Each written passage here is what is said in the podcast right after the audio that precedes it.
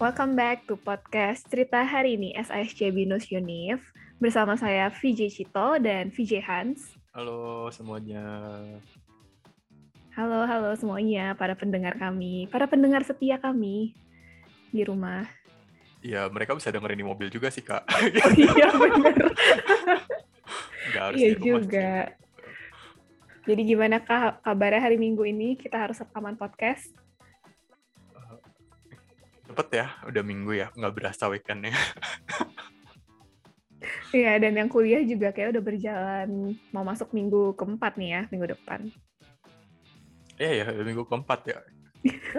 Nggak nggak tahu loh.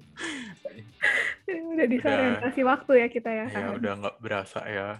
Ini juga udah nggak berasa, ada bulan Oktober ternyata ya, gitu ya. Hmm. Padahal eh, kalau di berasa itu kemarin baru tahun baru gitu ya.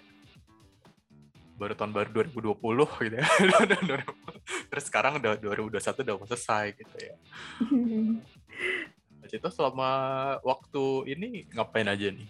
Selama kan tadi kan time skip ya berasanya ya dari 20 2020 awal sampai 2021 gitu ya. Rasanya itu time skip. Apa aja sih yang Kak Cito lakukan selama periode ini? Ya banyak sih ya. Nanya Ya. sendiri jawab sendiri. Iya. Saya belum jawab loh Kak. Gak apa-apa kalau mau dijawab diwakili. kalau time skip, nggak yang skip-skip banget gitu. Tapi kayak berasanya cepet gitu Kak Hans. Kayak, kayak ih kok cepet banget ya gitu udah mau akhir tahun lagi gitu. Apalagi kemarin PPKM itu kan juga em, sempet yang eh, kami semua nih uh, work from home lagi gitu kan. Yang tadinya mungkin sempat work from office. Nah gitu. Sekarang udah kembali lebih eh, ini sih ya angka kematian dan juga positifnya udah lebih turun gitu. Mhm. jadi kalau apa aja yang dilakukan em, belakangan jadi ini ya lebih coba untuk em, get in touch sama diri sendiri karena ppkm itu kemarin sempat cukup cemas melihat angkanya tinggi dan bahkan orang-orang terdekat TK Cito pun jadi positif gitu. Itu yang agak bikin apa ya cemas sih gitu dengan angka naik dengan kondisi di luar yang mungkin makin nggak terkendali gitu ya. Eh, jadi kayak di rumah aja tuh lebih kayak ngerasanya ancaman sih. Lebih kayak ngerasanya harus di rumah itu tuh bukan sesuatu yang aman akhirnya gitu. Lebih kayak ya nggak boleh ke mana-mana tuh ancaman gitu. Nah Hmm. mulai-mulainya akhirnya beli-beli tanaman lah ya gitu. Setidaknya ada yang dipelihara selain merawat diri sendiri. em, beli tanaman gitu. Malah itu sebenarnya udah pada orang-orang lakukan sih di 2020, tapi Kak Cito baru melakukan itu di 2021 Hmm, ya, nggak apa-apa. gitu kan iya terus em, coba-coba nulis coba-coba lukis kayak gitu sih ya yang Hmm. cara untuk copingnya gitu karena makin dekom kayak inner circle sendiri tuh makin banyak yang positif itu sih yang cukup Hmm, shock hmm, juga hmm. gitu sih Kak Hans cara copingnya dengan melakukan hal-hal yang eh, di luar kebiasaan si merawat tanaman dan juga eh, hal-hal yang dulu pernah dilakukan si menulis dan mewarnai, menggambar gitu, melukis. Kalau Kak Hans gimana nih? mungkin memunculkan kebiasaan lama ya. Kalau dulu tuh di 2010, 2010, 2010, lama banget. Iya. Eh, waktu zaman-zaman masih kuliah ya, masih kuliah. Hmm. Waktu itu emang ya bukan lagi covid ya. Emang kalau dulu ya 2010 internet juga masih yang rada susah, Netflix belum ada gitu ya. Itu kan kalau dulu tuh kerjanya download eh, variety show Korea ya di kampus. Atau drama di kampus. Terus nanti di kosan eh, kalau udah mulai leha atau lagi sambil makan sambil nonton gitu misalkan. Itu yang kerjaan yang dulu dulu di pas masa-masa perkuliahan lah itu yang dilakukan gitu. Nah terus setelah lulus kuliah udah jarang tuh jarang nonton variety show, jarang nonton drama Korea, drama Jepang tuh udah jarang banget gitu. Nah terus pas awal-awal pandemi akhirnya mulai lagi tuh karena bingung ya ngapain gitu ya. Akhirnya ya subscribe ke Netflix gitu ya. Terus akhirnya nonton gitu. Buat ya pokoknya biar, biar yang penting ada kerjaan juga aja gitu. Masa ya ya masa to be fair hampir semua orang sekarang subscribe Netflix kan gitu. Banyak banget yang sekarang akhirnya di masa pandemi ini ya khususnya banyak orang yang sekarang akhirnya jadi nonton drama Korea. Drama Korea tuh jadi booming banget sekarang gitu ya. Kalau misalnya contoh yang paling kita paling gampang dilihat tuh sampai waktu itu di Holy Wings kan kalau misalnya hmm. Kak Cito inget ya ada Holy Wings yang di mana sih? Di Pick ya? Di Pick yang dia tim enam dosan terus satu lagi Holy Wings di mana tuh dia tulisnya tim Han Ji Pyong. Itu gara-gara drama startup ya. Itu yang sampai wow sampai semua orang tuh wah ini tim Han Ji Pyong tim Nandosan gitu-gitu sampai segitunya gitu ya. Itu ya akhirnya kebiasaan lama ya. Jadi kayak akhirnya gali eh bukan gali sih akhirnya jadi nonton nonton drama nonton variety show lagi gitu. Tapi ya itu kan balik lagi tapi ke fase ya. Kalau sekarang sih udah nggak nonton yang begitu begituan lagi sih karena udah capek juga. Hidupnya udah penuh drama udah nggak butuh drama lagi sekarang ya. Kalau sekarang ada gak sih uh, tontonan yang happy go lucky aja pokoknya gue lihat ketawa udah selesai gitu. Jadi kayak udah nggak cukup lah drama dramaan gitu. Hidupnya udah cukup capek gitu ya jangan ditambahin drama lagi gitu. Nah tapi ya itu sih yang akhirnya dilakukan gitu ya. Jadi nonton awal itu apa sih? Itaewon Class ya awal-awal hmm, pandemi. iya Itaewon Class. Terus sempat ada Sweet Home juga gitu. Terus ya akhirnya yang kemarin sempat apa? Ya si startup gitu ya yang itu juga yang membuat apa eh, banyak masyarakat di Indonesia booming sama saham. Itu kan salah satunya oh iya gue harus sukses gitu. Gue harus ya gue harus mikirin uh, bagaimana masa depan gue nanti. Akhirnya uh, banyak lah ya gitu ya. Masa dari si startup ini banyak yang akhirnya invest dan lain-lain sebagainya gitu. Itu sih yang hmm. contoh fenomena yang menarik yang kita lihat sih. Yang bukan yang kita lihat yang aku lihat ya. Aku lihat selama pandemi ini gitu. Banyak kegiatan-kegiatan yang awalnya dulu nggak ada. Biasa kan dulu kalau misalnya nonton drama Korea apalagi cowok ya. Ih lu uh, misalnya banci banget sih gitu. Lu nontonnya kayak cewek lu gitu. Nonton drama Korea gitu kan. Tapi kan kalau sekarang udah lebih ya semua orang bisa menerima dan semua orang tuh bahkan kayak eh lu nonton hospital playlist gak gitu. Sampai lu nonton ini enggak lu nonton ini enggak terus akhirnya bisa ngobrol gitu.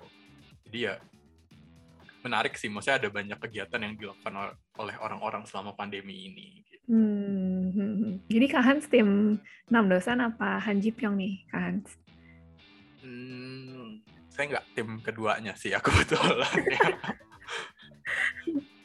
Soalnya keduanya sama-sama enggak sih ngapain saya dukung dia saya ngapain saya dukung salah satu dari mereka gitu. Kalau bisa sih saya aja yang sama si Suzinya ya gitu ya. ya berarti Kak Hans bukan tim siapa-siapa ya gitu. Kak Cita juga tim Harmony aja lah udah. Yang nenek-neneknya itu yang benar-benar baik banget ya gitu kalau di drama ini. Karena itu booming banget kan sampai kayaknya semua tuh harus memilih gitu antara siapalah tokoh yang paling baik gitu sosok cowok yang idaman yang paling baik paling perfect lah gitu di antara dua orang ini. Nah kalau uh, dari Kak Cito sendiri ya gitu melihat hmm. si drama ini dengan kalau Kak Hans kan tadi sebenarnya lebih menyorotinya dari saham, dari startup gitu ya. Kak Cito tuh justru yang menariknya kenapa ya kayak harus dipilih dua sosok ini karena kayak seolah kayak ada salah satunya yang lebih ideal dari antara yang lain gitu. Salah satunya yang kayaknya lebih sosok cowok, sosok man yang kayak uh gitu. Nah, maksudnya kan sebenarnya Han, Hans Ji Pyong tuh kan ya kan nambah case baru lagi. Han Ji Pyong sama Nam Dosan itu kan dua sosok yang berbeda gitu kan. Kalau diceritain di drama ini, bagaimana mereka tumbuh besar, latar belakangnya, dua-duanya beda gitu. Dan um, sempat sih memang ya waktu yang di awal ini kan, ini kan sebenarnya bis, apa bisnis startup tapi ada romance-romansnya juga ya. Di awal itu yang ketika Han Ji Pyong itu nulis surat buat Sodalmi gitu ya itu dia memakai nama Namdosan. Dan akhirnya berlanjutlah sampai mereka dewasa gitu. Dengan akhirnya Namdosan ini yang harus ketemu sama Sodami sebagai sosok yang sebenarnya di surat itu sih ditulisnya di surat itu. Sosok ideal banget lah kayaknya. Wah cowok yang yang pun balesin cerita cewek balesin curhatan-curhatan di surat itu. Terus kayak sosok yang berhasil banget, sukses banget gitu. Padahal mungkin sebenarnya di balik itu semua gitu ya, itu bukan dirinya dia asli. Itu kan bukan sosok Nam Dosan asli, tapi sosok Nam Dosan yeah. yang ada di surat. Itu kayak bentukan dan kreasinya dari si uh, Han Ji Pyong yang memakai identitasnya Nam Dosan gitu karena waktu itu dilihatnya Nam Dosan memang abis menang salah satu lomba gitu di koran ya udah deh comot aja deh nama ini hmm. ternyata sosoknya ada beneran gitu kan dan iya. itu kompleksitas cerita di awalnya sih ya cuma akhirnya makin ke sini jadi makin berlanjut ya kan maksudnya berlanjutnya tuh sampai akhirnya Nam Dosan sendiri nggak bisa jujur sama Sodalmi ini gitu siapa hmm. sih dia hmm. sesungguhnya gitu ya, ya, dengan semua latar belakangnya dia nggak sesukses itu loh dia sebenarnya hmm. belum sampai di titik yang kayak Han Ji Pyong loh yang udah ada mobil yang um, udah punya satu uh, bisnis sendiri gitu buat hmm. menaungi yang bisnis-bisnis kecil lainnya gitu hmm. jadi kayak waktu itu ngaruh banget sih kan kayak ke segala aspek ya gitu um, ketika udah menjalani peran enam dosan ini pun sampai dia penasaran loh dia nanya ke Sodalmi what do you like about me apa sih yang hmm. uh, kamu suka dari saya gitu karena dia kayak nggak ngerasa dia jadi diri dia di depan si cewek ini kan gitu hmm. jadi sampai akhirnya Sodalmia pun jawab gitu you're my first love gitu katanya terus ah that's not me katanya hmm. itu kan hmm. cuman yang ada di surat dia dalam hati mikir gitu terus yang kedua suratnya yang surat-surat yang dikirimin gitu kata Sodalmi alasan kedua ah, itu juga bukan saya bukan dia kirim surat iya bukan dia yang kirim surat juga gitu kan sampai yang ketiga juga dia bilang ya after all these years tuh kayak itu tuh sosok yang keren, yang brilian gitu, yang sukses lah gitu. Hmm. Padahal mobilnya juga minjem Han Ji Pyong gitu kan, disuruh Han Ji Pyong hmm. juga uh, pura-pura dari jadi enam dosan yang disurat gitu. Hmm. Jadi dia juga ngerasa itu bukan saya. Yang alasan keempat yang Sodalmi kasih baru itu dia karena Sodalmi bilang tangannya big palms and big hands hmm. ya gitu kan jadi kayak ah, akhirnya ada yang realnya saya nih ada yang sesuatu yang memang itu terkait dengan um, diri dia bukan yang memang pura-puranya atau bukan yang dia acting gitu bukan yang kayak dia jadi sosok yang bukan lah gitu bukan dirinya gitu dengan berpura-pura jadi enam dosan yang sukses gitu Hmm. Itu sih ya, kayak kenapa harus dibagi dua gitu. Padahal mungkin ada yang bilang second lead syndrome apa, tapi yang Kacito highlight justru apa gitu yang menyebabkan sampai akhirnya Nam Dosan tuh struggle itu dan Han Ji Pyong juga kayak sosok yang seolah kayaknya perfect banget lah gitu kan.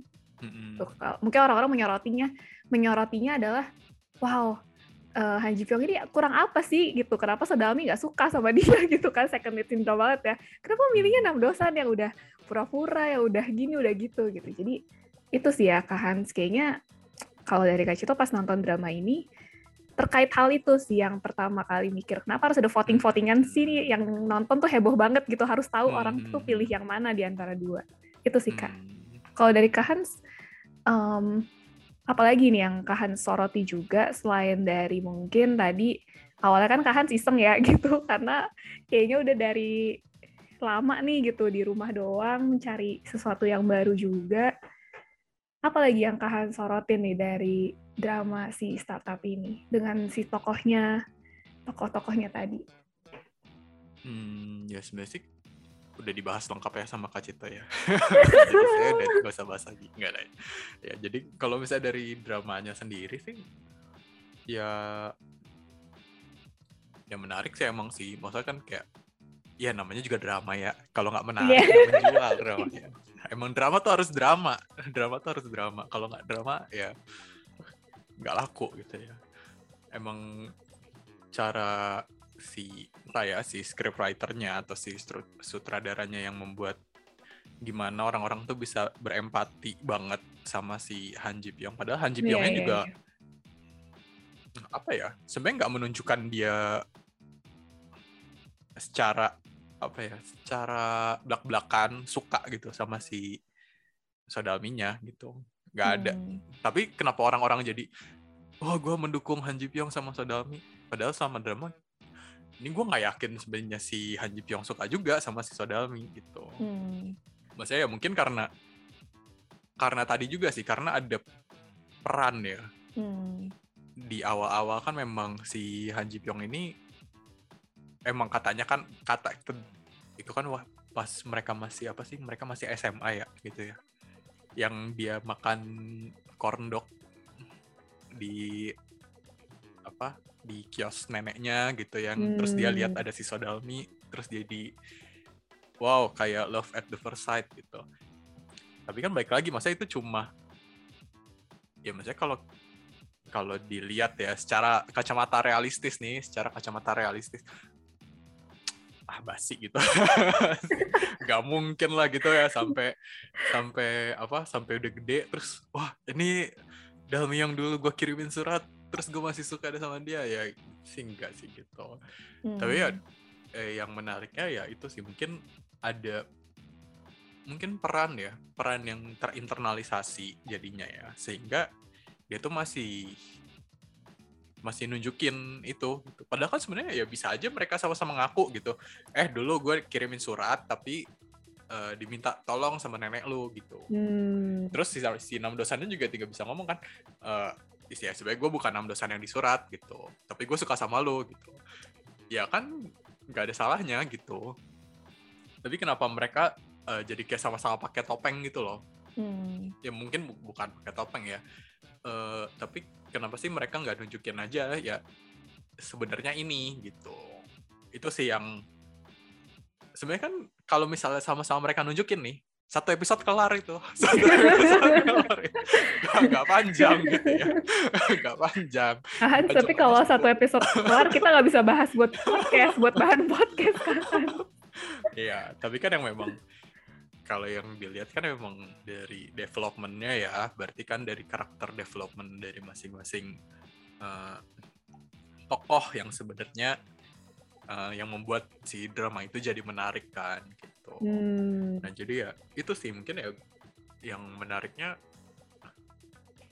kenapa sih hal yang simple mereka tuh ribetin dengan mereka kenapa mereka nggak nunjukin aja apa sih yang benernya gitu. Dan hmm. ini kan juga hmm. sebenarnya hmm, mungkin gak cuma di drama ya kak gitu. Hmm. maksudnya fenomena ini gak cuma di drama gitu. Ya contohnya contoh paling simpelnya lah ya gitu ya. Kalau misalnya gue mau ngajak cewek keluar gitu. Ya setidaknya mobil gue tuh bersih. Yeah. ya kan? Mobilnya dicuci dulu. Nggak debuan nggak apa. Maksudnya buat apa menampilkan sesuatu yang yang bagus-bagus gitu. Ya kita nunjukin sesuatu buat mengimpress uh, orang tersebut gitu. Atau saat misalnya kita lagi hmm, ketemu sama uh, misalnya apa?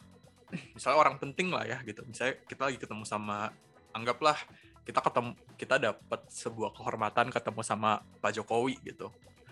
Ya pasti kan kita nggak datang pakai uh, apa baju tidur, celana pendek gitu kan nggak mungkin gitu kan. Kita pasti nunjukin uh, misalnya kita pakai jas rapi gitu atau mungkin yang cewek atau juga sih nggak mungkin pakai kebaya juga sih masalahnya.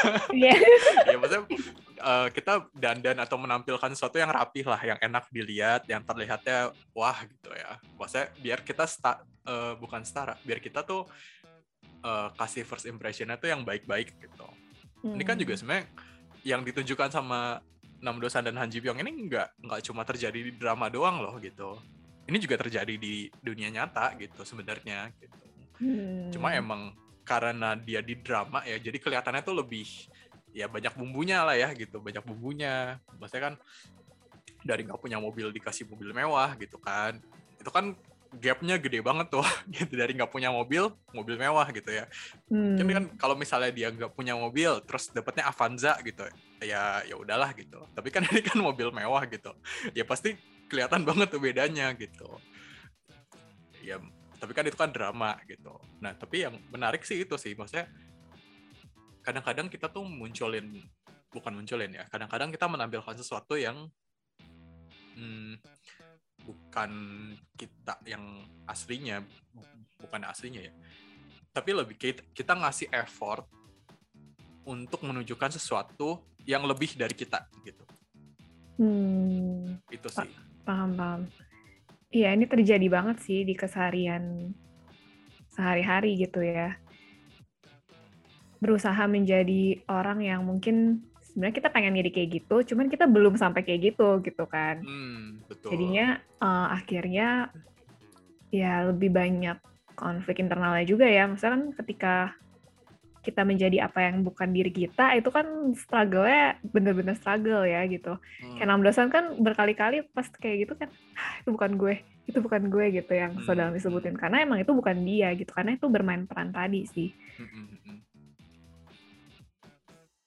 Dan kalau dari Kahan tadi yang uh, contoh-contohnya emang ini ya maksudnya yang relatable banget nih kayaknya mungkin untuk yang mendengar juga gitu uh, untuk kasih first impression, apalagi mungkin di lingkungan baru atau misalkan di orang-orang yang uh, mungkin belum terlalu nyaman untuk kita mengeluarkan sisinya uh, kita gitu kan. Hmm. Mungkin itu jadi juga hal yang jadi pertimbangan sih gitu untuk aduh ini gimana ya gitu. Tapi kan kalau itu terus menerus dan larut uh, makin lama kita lakukan tuh kan juga nggak sehat gitu. Nah, hmm. kalau Kahan sendiri dari pengalaman yang Kahan punya, hmm.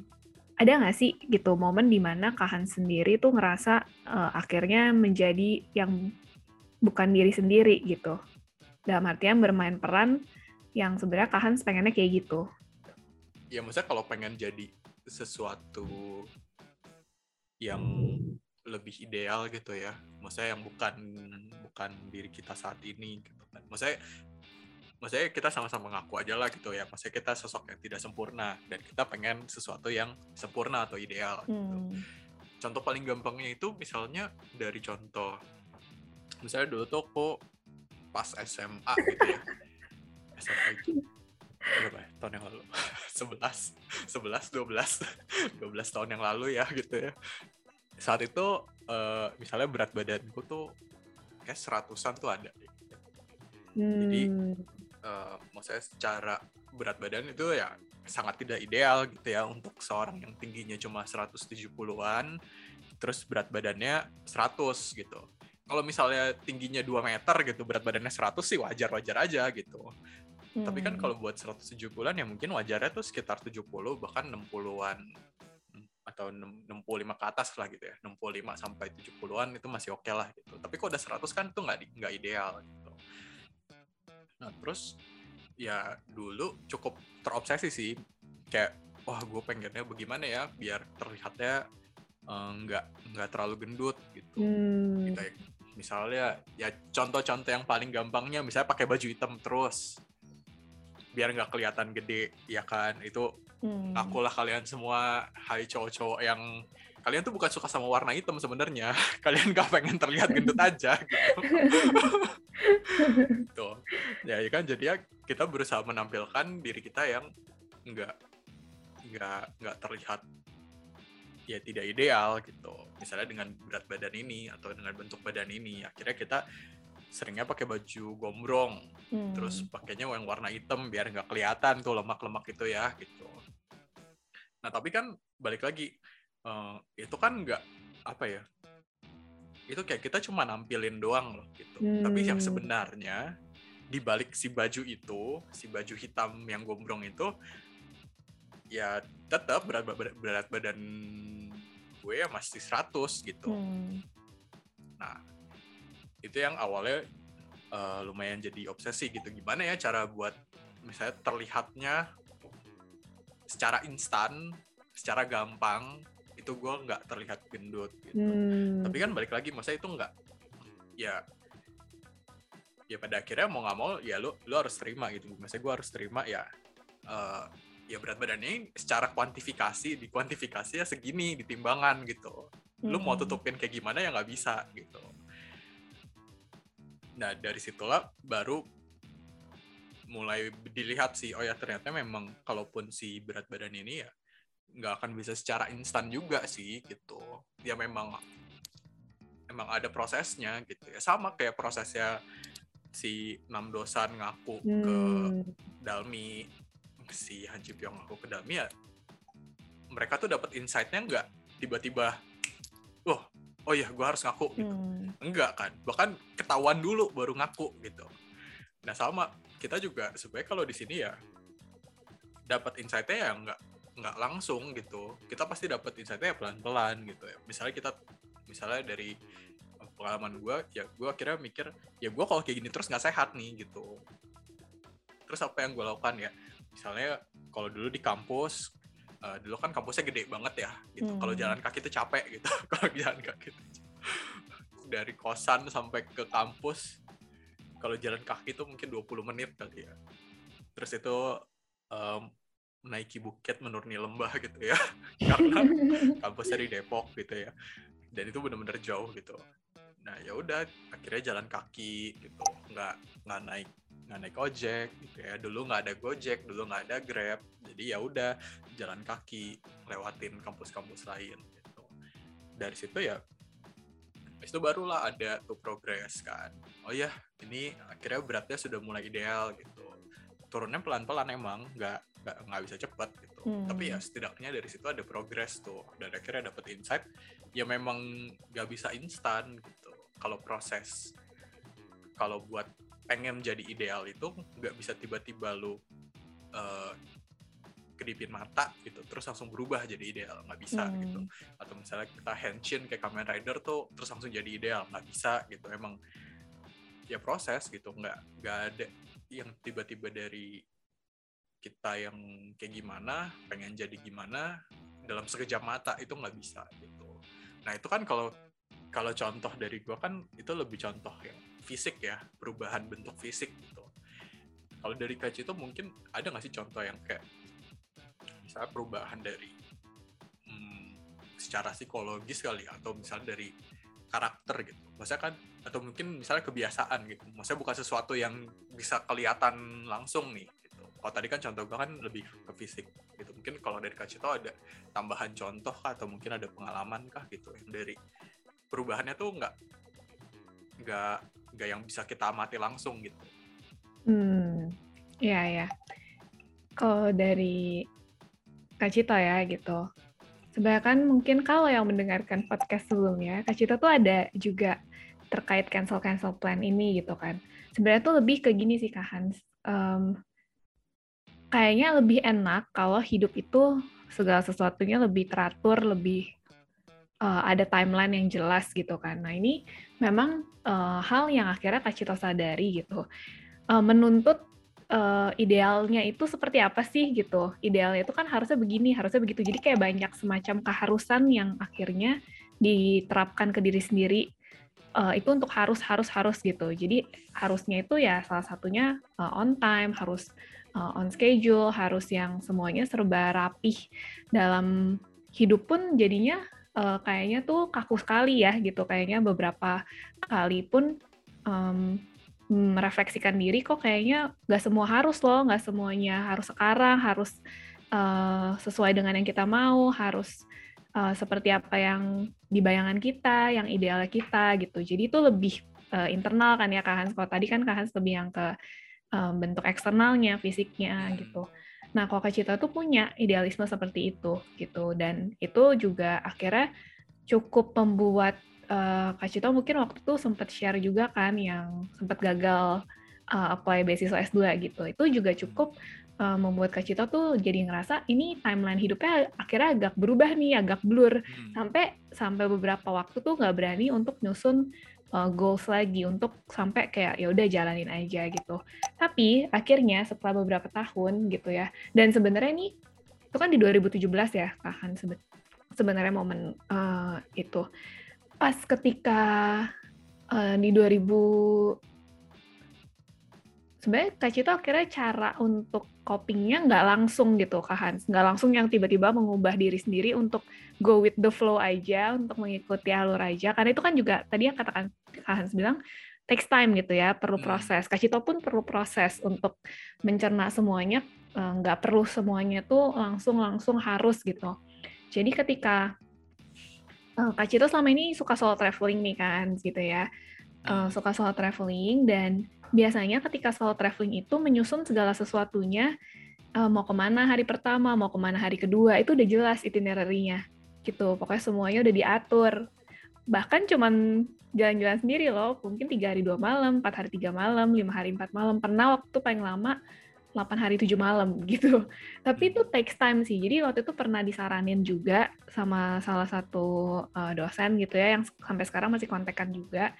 Uh, Cit coba deh sekali-sekali kalaupun solo traveling nggak usah pakai uh, rundown istilahnya nggak usah pakai itinerary yang disusun udah kayak acara webinar ya pakai rundown hmm. tapi jadi maksudnya nggak usah pakai segala sesuatu tuh yang menuntut diri sendiri itu harus gitu Eh, nggak uh, perlu juga pakai bucket list yang kayak jadi ada hmm, happiness ya, kita ya, checklist gitu. Hmm. Uh, bener-bener deh kamu coba nikmatin momen uh, yang kamu nanti alamin gitu pas kamu solo traveling itu ya here and now gitu at that moment. Hmm. Jadi kamu pun akan tahu gitu ketika kamu berjalan di kehidupan tuh nggak yang harus semuanya on track, nggak harus yang semuanya udah terschedule, tersusun gitu. Itu jadi salah satu proses kehidupan juga sih Kak Hans. Jadi hmm. beberapa kali solo traveling, bahkan pernah waktu ulang tahun pun pengen ah solo traveling gitu kan ke Bali, ya udah gitu. Uh, manfaatin waktu itu untuk mengenal diri sendiri sih, bukan sekedar refreshing uh, yang apa ya bilangnya yang menenangkan pikiran apa gitu tapi memang mengenal diri sendiri juga. Dan ternyata seru loh gitu tanpa adanya itu semua toh bisa tetap menikmati si liburan itu. Hmm. jadi hmm, belajar juga sih berteman untuk segala sesuatu yang di luar uh, dugaan di luar ekspektasi gitu.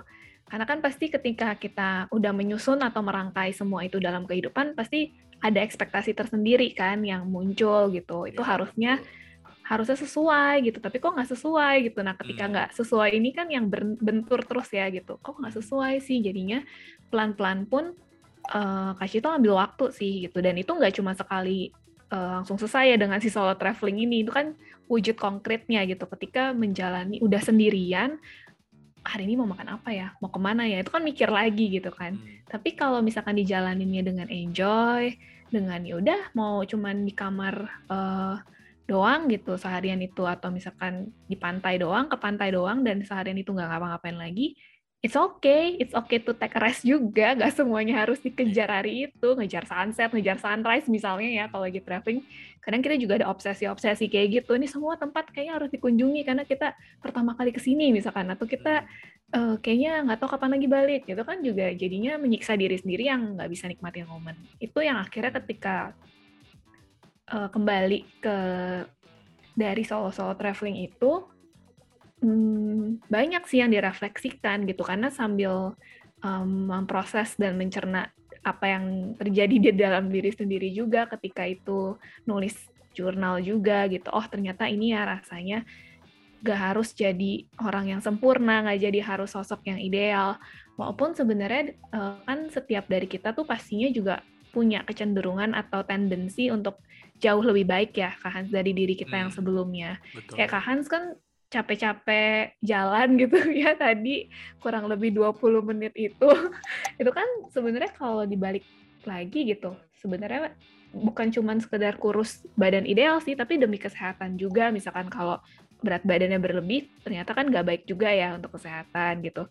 Nah sama sih gitu maksudnya ketika dipikir-pikir sebenarnya setiap orang tuh punya kecenderungan untuk jadi lebih baik, jadi versi yang lebih baik dari dirinya sendiri gitu. Kak Cito pun begitu sih. Kalau Kak Cito tuh jadi terlalu kaku, nggak cuman ke diri sendiri tapi ke orang lain gitu.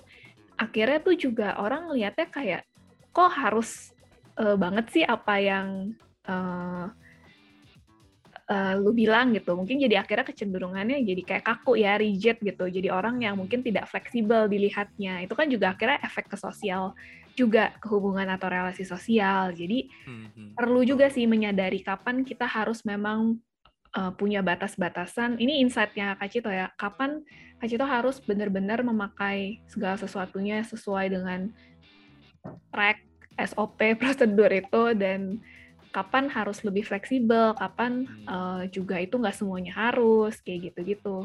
Itu sih pembelajarannya banyak banget dari waktu kejadian uh, itu. Karena kan tadinya awalnya gitu ya Kak Hans, kenapa mungkin uh, pengennya S2, idealnya lagi nih ya, balik lagi ke sosok ibu yang ideal gitu, atau istri yang ideal gitu. pengennya nanti ketika S2 itu kan berperannya sebagai misalkan dosen atau praktisi dengan jam kerja yang lebih uh, fleksibel dan bisa diatur gitu. Hmm. Nah, tapi ketika misalkan kalau harus full time, harus yang ini kan mungkin jadinya nanti gimana ya kalau udah berkeluarga gitu, apa masih bisa bekerja juga? Itu kan yang mikirin kayak gitu. Sedangkan kalaupun S2 bisa aja mungkin nggak jadi dosen deh, cuma praktisi psikolog aja gitu, buka praktek itu kan jamnya juga ada bagian-bagian di mana kita sesuaikan dengan jadwal kita gitu. Nah itu hmm. sih yang akhirnya kok kayaknya nih blur semua nih ke belakang-belakangnya gitu. Jadi harus yang lebih memikirkan juga. Tapi setelah sekarang gitu ya, sebenarnya self improvement itu atau self development yang Kak Cito sadari juga nggak harus dari hal yang sifatnya legalitas um, formal seperti S2 yang ada gelarnya itu, tapi gimana akhirnya masing-masing diri sendiri dan Kak Cito pun masih tetap kok mau mengembangkan diri gitu, diri sendiri. Contohnya misalkan dengan mencari tantangan baru gitu, kalau misalkan ada uh, apa tantangan challenge itu dalam arti mengembangkan diri sendiri, misalkan salah satunya mungkin tahun ini Kak Cito kan pindah kerja nih ya, kan gitu. Mungkin di sini juga tantangannya banyak lagi karena lingkungan baru dan itu kan jadi ada semacam personal growth, self development yang Kak Cito juga rasain sih buat diri sendiri. Progresif lah intinya gitu. Jadi um, takes time sih gitu untuk terima apa yang terjadi gitu di luar, terus akhirnya secara pergolakan internalnya terjadi gitu sih Kak kalau dari ceritanya Kak Cito ya.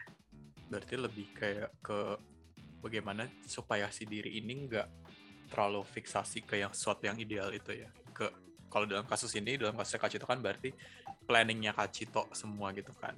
Yes benar bagaimana lebih bisa ya udahlah terima aja kalau misalnya nggak ideal gitu iya terima aja lah ini memang betul-betul um, proses yang lama yang emang diterima hmm, gitu hmm. tidak serta merta langsung yang di skip langsung terima gitu ya Iya bisa langsung terima gitu tapi untuk proses, kalau tadi ada kata fiksasi, proses move on-nya gitu. Apa sih hmm. yang selain goal hidup kita kan banyak.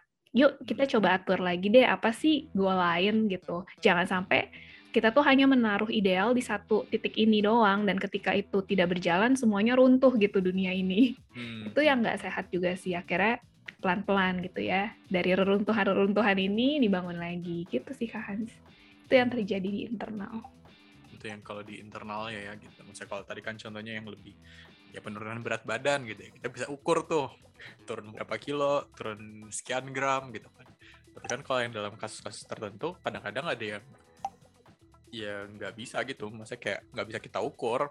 Bagaimana cara ngukur penerimaan gimana Gagalan. caranya bisa berdamai dengan ya udahlah kalau gagal gue terima gitu kan nggak bisa tuh di, dihitung nggak bisa gitu kan ya gitu Nah itu kan juga. Tapi kalau itu kan lebih ke diri sendiri ya kak gitu ya. Pernah nggak sih ada contoh di mana kayak hmm, saat kita berhadapan sama orang lain gitu ya. Kayak jadi kira kita tuh menunjukkan sesuatu yang beda gitu dibandingkan diri kita yang biasanya gitu. Hmm, sebenarnya sih kalau contoh asli ya, Kak Cito sih selama ini ngerasanya memang lebih apa adanya aja ya memang cuman hmm. Kalau di lingkungan baru Kak Cito tuh lebih yang banyak slow to warm up gitu anaknya. Uh, mungkin gak terlalu yang bisa langsung akrab sama semuanya gitu. Hmm. butuh waktu untuk saling mengenal dulu sampai bisa mungkin bercanda sampai mungkin bisa yang um, istilahnya bercerita gitu lebih dalam dan lebih jauh lagi. Jadi sebenarnya kalau dalam hmm, proses adaptasi bukan berarti menampilkan diri yang tidak sesungguhnya juga sih gitu. Tapi lebih kepada ya memang kan namanya baru kenal gitu ya, itu hal yang wajar juga sih. Kalau sampai menampilkan diri yang bukan sebenarnya Kak Cito tuh kayaknya jarang ya gitu. Bukan nggak pernah ya, tapi kayaknya rasa-rasanya jarang gitu kalau sampai yang kayaknya hmm, berbeda sekali, drastis gitu, sampai nggak ada hmm. irisannya nih antara mana yang asli, mana yang uh, sebenarnya, eh, mana yang bukan gitu, asli dan bukan, enggak sih gitu. Hmm. Tapi memang butuh waktu aja anaknya untuk uh, mengenal dulu, baru bercanda, baru cerita-cerita gitu. Gitu sih. Kalau Kak Hans gimana? Hmm, mungkin kalau dari gue sendiri kayak mungkin ada bukan bukan palsu sih ya sebenarnya sih dua-duanya sama gitu tapi ada yang ditunjukin di satu saat tertentu tapi ada juga yang ditunjukin di satu saat yang lain gitu. Itu kalau di teori psikologi itu namanya persona ya gitu. Jadi persona ini kita nunjukin sesuatu. Memang diri kita ini masih bagian diri kita tapi itu ditujukannya hanya ke orang tertentu gitu. Hmm. contohnya itu gimana sih? Ya misalnya contohnya itu mungkin ya bagaimana men, bagaimana cara kita menampilkan diri di kantor gitu. Sama bagaimana cara menampilkan diri di rumah itu kan pasti beda gitu. Tergantung tingkat kenyamanan kita sih kita lebih nyaman di rumah atau kita nyamannya di kantor gitu kan. Pasti ada tetap adalah hal-hal yang kita nggak share ke orang kan gitu. Maksudnya ada bagian-bagian tertentu yang misalnya ya udahlah ini gue karena nyaman sama orang rumah ya gue bisa share ini ke orang rumah gue tapi kalau misalnya ke kantor mungkin ya mungkin ada yang mereka nggak perlu tahu juga sih gitu ya udahlah hanya share sebagian aja gitu. Nah tapi kalau sampai yang bener-bener uh, di rumah enggak di kantor enggak itu ditampilin doang ke satu orang ini enggak belum pernah sampai kayak gitu sih gitu. Tapi kan sebenarnya kalau kita lihat ya misalnya kayak eh, fenomena-fenomena yang ada ya gitu ya kan banyak juga tuh kayak misalnya uh, contohnya itu apa? Kayak contohnya macam second account lah gitu. Second account Instagram gitu kan ya. Ada account yang kita tampilin account apa account publik itu biasanya yang ditampilin yang baik-baiknya gitu kan ya. Terus begitu buka second account misalnya di story gitu ya misalnya kita sebagai close friend dari si orang ini gitu isinya itu apalah gitu ya.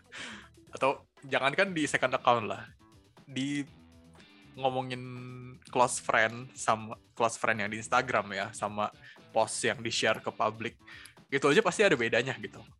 Jadi ada nih kadang-kadang yang ditampilin sama kadang-kadang yang gak ditampilin gitu. Jadi ya itu sih sebenarnya hal yang wajar sih.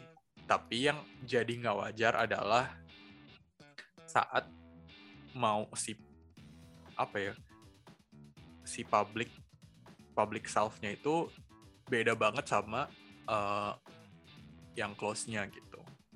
Hmm. Itu yang mungkin jadi nggak wajar ya. Misalnya kayak dia di publik bisa baik banget. Misalnya contoh-contoh, ini nggak ini nggak nyebutin siapa-siapa gitu ya. Misalnya di publiknya dia baik banget, dia uh, apa sering berdonasi lah, supaya menunjukkan yang baik-baik gitu tapi ternyata di baliknya itu di rumah ternyata dia kasar segala macem gitu. Itu kan ini nggak nggak ngomongin orang tertentu tapi probabilitasnya di Indonesia itu pasti ada gitu. Mau itu cuma 0,01 persen pun pasti ada deh gitu. Nggak mungkin nggak hmm. ada gitu. Nah itu sih yang sebenarnya udah ya udah beda banget nih gitu. Atau misalnya mungkin gak sih kayak pernah gak sih kayak punya temen yang ya kayak bermuka dua kali ya gitu ya. Kalau di depan kita baik-baik tapi kalau di belakang ngomongin kita gitu. Ya itu kan di contoh-contoh yang ini juga gitu. Atau contoh-contoh yang lain tuh kayak misalnya ada orang yang sebenarnya mungkin dia introvert gitu ya. Tapi supaya dia bisa diterima di lingkungan dia harus jadi ekstrovert dia harus jadi uh, apa pokoknya yang pusat. Kalau nggak ada dia nggak rame lah gitu. gitu. kan kadang-kadang ada ada aja ya orang-orang kayak gini ya gitu. Yang misalnya dia butuh misal dia butuh pengakuan dia butuh ditemani atau dia orang-orang yang mungkin yang dia merasa kesepian terus bagaimana cara bagaimana caranya supaya gue gak kesepian? Gue mesti punya banyak temen gitu. Bagaimana cara punya banyak temen? Ya gue mesti mengikuti kemauan A B C D dan seterusnya. Yang sebenarnya itu nggak dia banget gitu. Pasti kan ada ya capek lah ya gitu ya kalau kayak gitu gitu ya. Maksudnya kayak kita menjadi diri yang bukan diri kita gitu. Mungkin kalau yang kalau contoh yang tadi yang sempat kita sebutin kan ini masih diri kita nih gitu. Tapi ini cuma sisi yang lainnya doang gitu. Nah tapi kadang-kadang tuh ada kasus-kasus di mana yang terjadi ini ini bukan diri kita sama sekali gitu. Ini diri kita yang kita buat gitu. Hmm. kita buat dengan sengaja untuk memenuhi misalnya kemauan orang ter tertentu gitu yang beda banget sama diri kita gitu. Ini nggak cuma nggak cuma soal kemauan orang tertentu juga sih tapi kadang-kadang mungkin mungkin nggak sih kayak ada uh, idealnya kita gitu ya. Misal idealnya kita kita pengen jadi apa gitu. Bisa kita pengen jadi ya anggaplah kita pengen jadi idol Korea gitu ya misalkan gitu padahal dirinya nggak mungkin nih secara face validity aja nggak lewat gitu face validity dari face validity aja nggak lewat nih tapi hmm. kita tetap obses gue pengen jadi idol K-pop hmm. gitu sampai akhirnya kita mm, menunjukkan ya misalnya uh, ya pokoknya segala macam perilaku aja kita hmm. berusaha untuk menjadi si idol K-pop ini. Sementara itu nggak ada. Yes, kalau kalau dibi kalau dibilang nggak mungkin, ya jahat juga sih. Tapi ya anggaplah kemungkinan 0,0001 persen gitu ya. Hmm. gitu ya.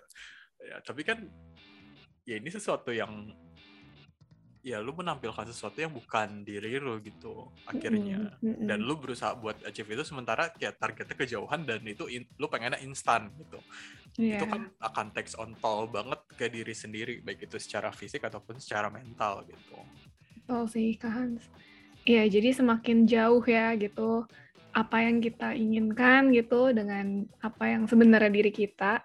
Hmm ya semakin jauh akan semakin menyiksa diri sendiri sih. Karena untuk sampai menyatukan itu kedua itu itu kan juga akhirnya menyebabkan kayak cemas ya di diri sendiri gitu. Dan kalau kita juga carinya um, validasi eksternal yang tadi Kak Hans bilang um, misalkan jadi diri yang bukan diri kita demi diterima di lingkungan, demi fit in, terus misalkan bahkan dari kepribadian mungkin ada ya beberapa orang yang tuntutannya emang jadi kayak lebih yang chill, lebih extrovert di lingkungan kerjanya gitu. Padahal mungkin sebenarnya kalau dari personality dia uh, ketemu orang aja sebenarnya energinya terkuras gitu kan. Hmm, betul betul. nah jadinya memang ada yang seperti itu. Tapi selama gapnya masih aman sih nggak apa-apa. Kalau udah yang makin jauh ini loh yang kita tuh hmm. cukup concern ya karena itu akhirnya jadi semacam uh, itu satu-satunya hal yang bisa um, bikin orang ini tuh berharga, orang ini tuh um, apa ya bilangnya dihargai dan secara validasi eksternalnya terpenuhi gitu, terfulfill gitu dengan apa yang dia capai itu. Padahal enggak loh, jadi diri sendiri apa adanya, itu juga gak apa-apa. Cuma kan takes time juga ya. Tadi kalau orang maunya instan itu yang jadi masalah juga gitu. Seinstan hmm. itu mindsetnya maunya sesegera itu seurgent itu seharus itu. Itu yang kalau udah pakai kata harus kalau udah pakai kata uh, yang sifatnya memang uh, semua orang harus menerima uh, kondisi uh, dia dan lain sebagainya udah semua harus itu udah pasti gitu kan. Itu kan kata-kata yang sebenarnya sifatnya nggak bisa kayak gitu loh gitu. Hmm. itu yang menyebabkan juga sih dari diri uh, orang itu sendiri struggle nih Kak Hans. Hmm. Selama bisa balancing, balik lagi ya tadi nggak apa-apa loh kalau misalkan juga kita punya kedua sisi itu, sisi public dan close friends. Tapi kalau bedanya terlalu jauh kan orang jadi bertanya-tanya ya gitu. Iya. Ini, ini dia bipolar ini gimana gitu.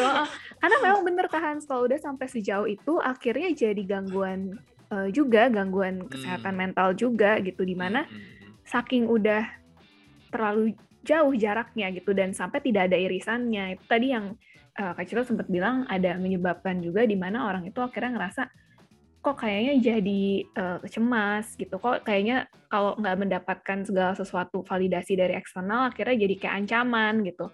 Bahkan akhirnya uh, nggak nyaman lagi tuh untuk yang namanya bisa aja orang-orang tertentu jadi nggak nyaman untuk terima pujian karena ngerasa ah masa sih? Kan saya nggak se cantik itu kan saya nggak seganteng itu misalkan itu jadi akhirnya yang bikin ya bener kayak Kak Hans bilang jangan-jangan mungkin jadinya gangguan uh, psikologis juga gitu dan hmm. itu yang sebenarnya kan dihindari ya selama kita hmm. masih bisa keep up uh, balancing si idealnya kita sama ya aslinya kita tuh seperti apa gitu jangan terlalu jauh juga sih gitu. Hmm. Berarti kan secara kesimpulannya uh, punya sesuatu sosok ideal yang kita pengen jadi seperti itu tuh nggak salah gitu. Mm-hmm. Cuma salahnya adalah kalau kita pengennya ter, terburu-buru gitu ya, pengen kayak masak Indomie gitu ya, tiga menit jadi gitu ya kan nggak mungkin gitu ya. mesti buka bungkusnya mesti buka bumbunya gitu kan nggak tiga menit selesai juga sebenarnya gitu nah tapi kan kalau masalah kita pengen jadi sesuatu yang beda banget jauh sama diri kita dan kita pengennya itu instan nah itu yang ya mungkin akan ya bikin capek sih bikin capek secara fisik bikin capek secara mental gitu hmm. karena ya hmm. karena pada akhirnya prosesnya nggak mungkin cepet gitu yes. jadi penerimaan juga sih mainnya di sini gitu. Memang kalau pengen kalau pengen jadi sesuatu yang baik-baik gitu ya, yang yang bagus gitu. Emang prosesnya kan nggak mudah gitu. Misalnya contohnya paling gampang cowok cowok pengen six pack gitu. Ya nggak bisa itu prosesnya sebulan dua bulan tuh nggak nggak akan jadi gitu dan ya pasti itu kan butuh latihan butuh apa nggak bukan itu kan bukan make up kan ya gitu masalahnya gitu. Nggak tiba-tiba digarisin gitu perutnya gitu jadi ada enam gitu kotak gitu kan enggak gitu. Pakai kontur ya. pakai shading ya. Iya ya mungkin bisa sih cuma kan ya itu pada akhirnya cuma kelihatannya doang gitu. Dan kita juga pasti ada perasaan apa ya mungkin ini ini juga sih maksudnya mungkin sering terjadi kali ya saat kita menampilkan diri kita yang bukan diri kita menampilkan diri kita yang bukan diri kita. Jadi menampilkan apa? Jadi menampilkan ya misalnya kita menampilkan kepribadian yang kita buat gitu ya sama kepribadian diri kita pasti ada rasa was-was gimana ya kalau orang tahu diri gue yang sebenarnya itu nah. being vulnerable ya Kak Hans. Jadi sebagaimana hmm. kita berani terbuka sama orang lain dan ya udah kita emang vulnerable gitu. Mm -mm. Hmm. Nah, tapi kan kalau misalnya dia nunjukinnya, wah gue yang perfect, gue yang ini, sementara di rumahnya berantakan, pasti ada perasaan takut, gue kalau ketahuan gimana ya, gitu. Image gue gimana ya, gitu. Pasti ada deh perasaan-perasaan seperti itu, gitu. Dan itu juga sebenarnya kan bikin capek juga, gitu. Hidupnya kayak berasa cemas terus isinya. Ini gue nggak boleh, gue nggak boleh kayak gini, nanti gue dilihat ini. Ya, sementara kan ya kita pengennya ya maksudnya kan kita nggak pengen juga ya hidup terlalu kaku juga ya gitu. Ya kita pengennya ya hidup kan bisa dijalani aja kayak Kacito gitu ya. Maksudnya di enjoy aja dibawa dibawa happy gitu pengennya. Tapi kalau misalnya kita selalu cemas ini gimana kalau misalnya orang-orang tahu uh, sosok gue yang sebenarnya gitu? Nah, ini kan juga kayak misalnya macam ya banyak lah ya. Misalnya kayak yang pengen terlihat kaya gitu terus ah ya udahlah gue pinjol aja buat beli iPhone 13 gitu hmm. terus bunganya sampai sekian ratus juta gitu misalnya nggak bisa dibayar contohnya gitu hmm. tapi kan ada aja gitu masa ada ada aja orang-orang yang ya udahlah demi gue menunjukkan yang baik-baiknya nih demi menunjukkan si sosok ideal yang gue pengenin apa pun gue lakukan gitu. Hmm. dan dan itu yang prosesnya apa ya dia pengennya cepet gitu pengennya instan gitu apa pun dilakukan sama dia. Sementara kan ya hasilnya tentu nggak baik gitu. Walaupun dia bisa jadi sosok ideal dia bisa tapi butuh waktu gitu. Ini yang mungkin sering terjadi nih di kalau di fenomenanya ya yang sering kita lihat ya gitu. Banyak orang-orang yang gimana ya biar bisa cepet viral, gimana ya bisa cepet terkenal gitu. Hmm. Kan hmm. banyak gitu kan. Jadi ya bisa, semuanya bisa gitu. Tapi emang proses gitu. Kalau misalnya kita nggak mau ngejalanin prosesnya, ya jangan harap bisa menjadi si idealnya ini gitu, nggak akan nggak yes. akan sampai gitu. Kalaupun sampai dengan cara instan dan segala cara dilakukan, pasti ada dampak lain gitu untuk apa dampak dampak negatif lah ya kemungkinan besarnya gitu yang akan terjadi ke diri kita gitu. Nggak cuma soal mental juga nggak soal mental aja gitu. Yang hmm. tadi dibilang kan cemas gitu ya ini gimana nanti ketahuan segala macam gimana kalau gue ketahuan gue beli follower gitu hmm. gitu misalnya? Ya itu pasti ada itu kecemasan mungkin untuk teman-teman yang iya betul betul betul. Yang pengen punya Instagram banyak kan banyak ya jasa jual follower gitu ya terus pasti ada ini nanti kalau gue ketahuan gue beli follower gimana? Gitu. Pasti kan ada tuh. Dan itu kan hidupnya nggak tenang nggak enak juga gitu. Sementara kan ada Hmm. juga orang-orang yang ya mungkin dia followernya naiknya dikit-dikit tapi dia happy dengan itu gitu. Yes, betul. mereka berdua sama-sama menuju si idealnya tapi proses yang dijalaninya beda nih gitu. Nah ini baik lagi sih kalian. Kalian tuh pengennya menjalani yang mana sih gitu mau yang instan cepet tapi efeknya nggak enak atau ya udah dijalani aja dibawa happy gitu. Ya kan Hmm. balik lagi ya kata orang bilang hidup kan perjalanan ya gitu ya. Yang dinikmati itu perjalanannya bukan tujuannya gitu. Macam kayak orang mendaki gunung gitu. Yang dinikmati itu perjalanan menuju atasnya gitu. Bukan nyampe di atas doang. Kalau nyampe di atas doang naik aja helikopter gitu. Ngapain daki gunung? Kurang kerjaan kan gitu. Itu juga yang Kak Cito rasakan Kak Hans tentang proses ya gitu. Ketika Kak Hans tadi bilang gunung, jadi inget juga ya gitu waktu soal traveling tuh, iya maksudnya nggak apa-apa akhirnya kalau kalau ternyata bukan tujuan-tujuan si bucket list atau si itinerary ini yang berjalan, tapi memang menikmati Hmm. momen ketika memang menikmati udara di pantai, terus eh, suara-suara ombak, suara-suara burung di sekitar alam ini gitu. Terus yang eh, setelah dari pantai pun nggak yang baik-baik aja balik ke mobilnya gitu kan, mesti bersihin dulu tempel-tempelan Hmm. eh, apa namanya pasir gitu kan.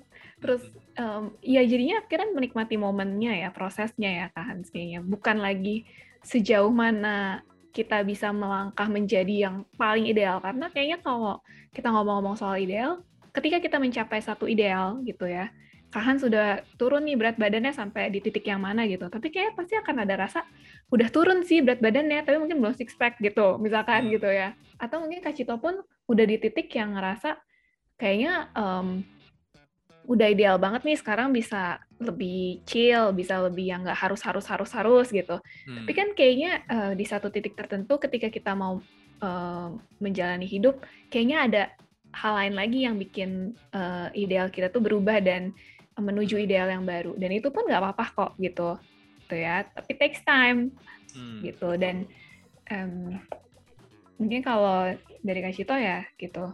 Eh, terakhir mungkin ini lebih kayak eh, wajar banget sih gitu kalau kita mau jadi seseorang yang punya completion atau fulfillment gitu ya di hidup gitu mengembangkan potensi semaksimal mungkin gitu tapi kalau udah sampai nggak ada titik irisannya yang akhirnya menyiksa diri sendiri itu yang nggak baik dan em, jangan pernah juga sih jadiin orang lain itu kayak semacam main karakter di dalam hidup kita gitu. Sosok ideal yang saking idealnya menurut kita itu jadi terinternalisasi dan kita tuh jadi bermain peran jadi mereka gitu, jadi dia, jadi sosok uh, he or she-nya gitu.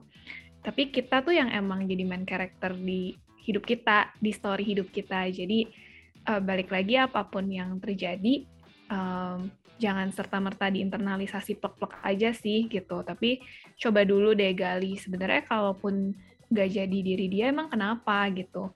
Toh kan kita punya identitas masing-masing. Saya kenali dulu sih saya siapa, kenapa saya melakukan ini, Hmm. apa yang membuat saya melakukan ini gitu. Tujuan saya apa gitu di balik ini. Gitu. Itu yang bikin kita akhirnya lebih mengenal diri dan sejahtera juga sih ketika melakukan itu tanpa harus ada tuntutan dari orang lain atau kita merasa kayaknya diri kita tidak diterima dan kalau untuk lingkungan sosial coba deh gitu em, menghabiskan waktunya juga sama orang-orang yang menikmati diri kita apa adanya gitu yang menerima diri kita dan itu takes time juga ya untuk orang-orang di sekitar kita menerima itu gitu. Maksudnya memang the realnya kita tuh receh gitu kan. The realnya kita tuh yang kayak gini agak-agak somplak agak-agak error gitu. Kalau udah bercanda yang gimana yang uh, spontan gitu kan. Yang pokoknya yang mungkin nggak bisa kita tampilin juga ke orang lain. Jadi uh, itu juga ngaruh sih ya circle um, sosial gitu yang kita pilih. Hmm.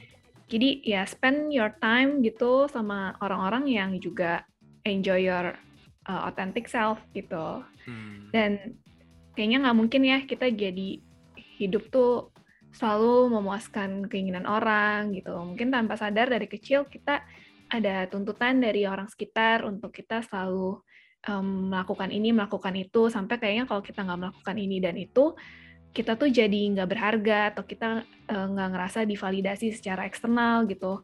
Dalam artian misalkan dipuji atau oh ya uh, bagus nih atau apa gitu. Sebenarnya enggak loh gitu dengan kita juga jadi diri kita apa adanya uh, kita tuh udah berharga sebagaimana kita um, mestinya gitu. Udah jadi hmm. sosok yang juga berharga makanya mesti datang dari diri sendiri dulu sih untuk kamu tuh berharga loh dengan jadi diri kamu yang seperti ini yang sekarang ini tanpa harus melakukan ini dan itu gitu. Itu sih ya. Hmm, kalian just be, be proud of yourself gitu. Jadi nggak semua orang juga kok bakal suka sama realnya kamu gitu.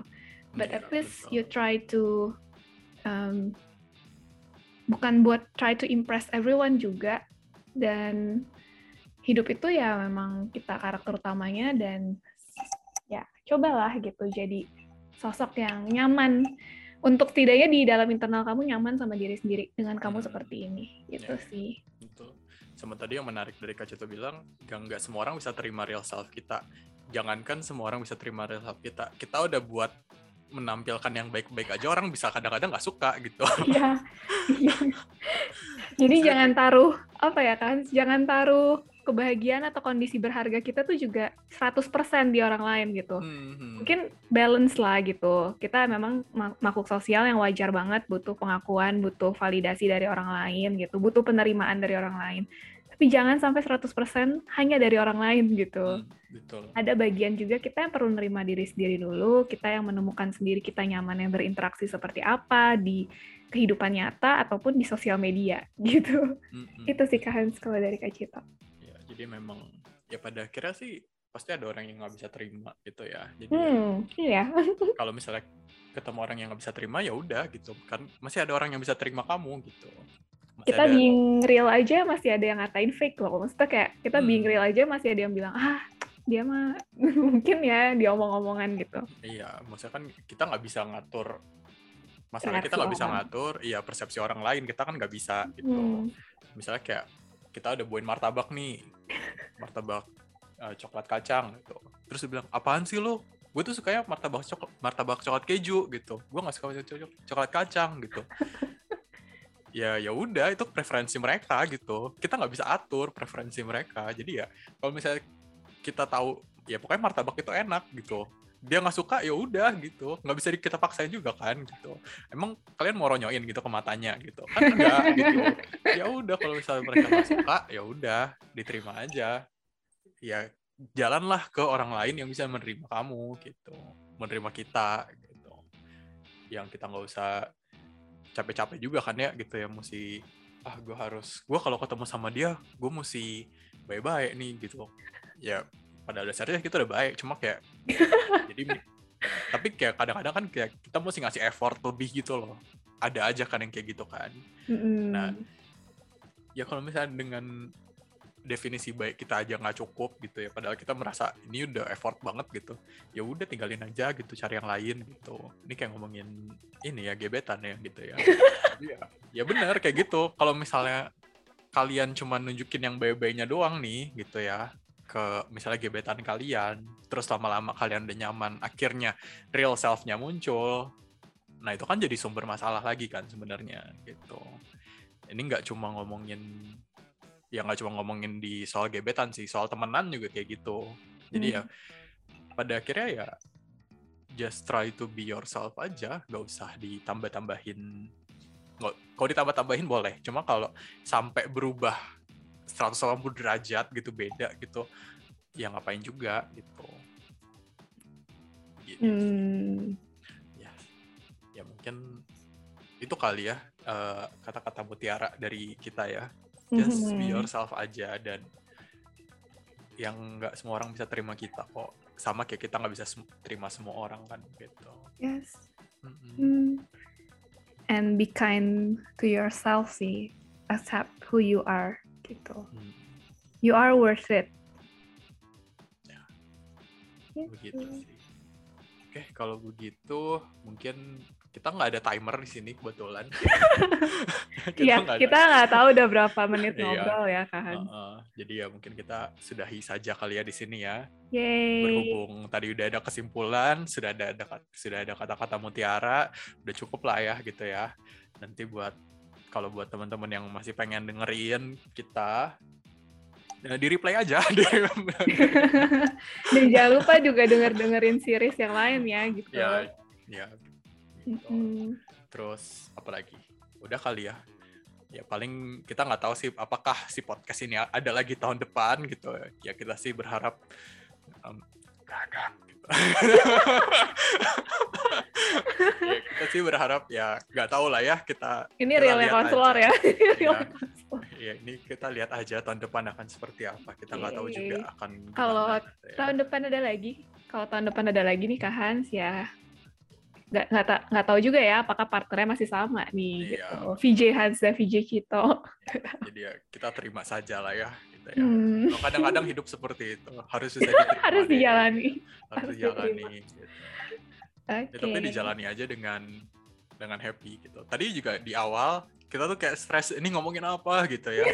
tapi pada akhirnya ya jalan juga kan. Akhirnya direkam juga gitu pada ya akhirnya. betul Ya, pada akhirnya dari yang kita udah buat alurnya seperti apa, pada akhirnya mungkin nggak ada nggak ada yang jalan gitu, ada Iya. yang jalan. pada akhirnya tidak seideal yang ada di eh, apa alur yang sudah ditentukan Uh-uh. tapi oh ini dinikmatin bersama juga lah gitu Iya. prosesnya Pada Hmm. akhirnya kan ngobrolnya juga lebih natural juga gitu pada. Iya, dan Jadi malah ya- memunculkan insight ya Kak Hans dari masing-masing Hmm, ini. Hmm, oh betul, baru tahu Kak Hans gini.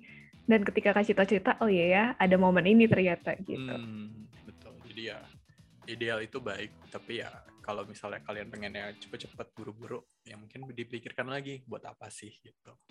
Yes. Dijalani saja dengan santai. Oke, VJ Hans dan VJ Cito pamit undur diri dari podcast cerita hari ini SASC Minus. Bye. Dadah, dadah.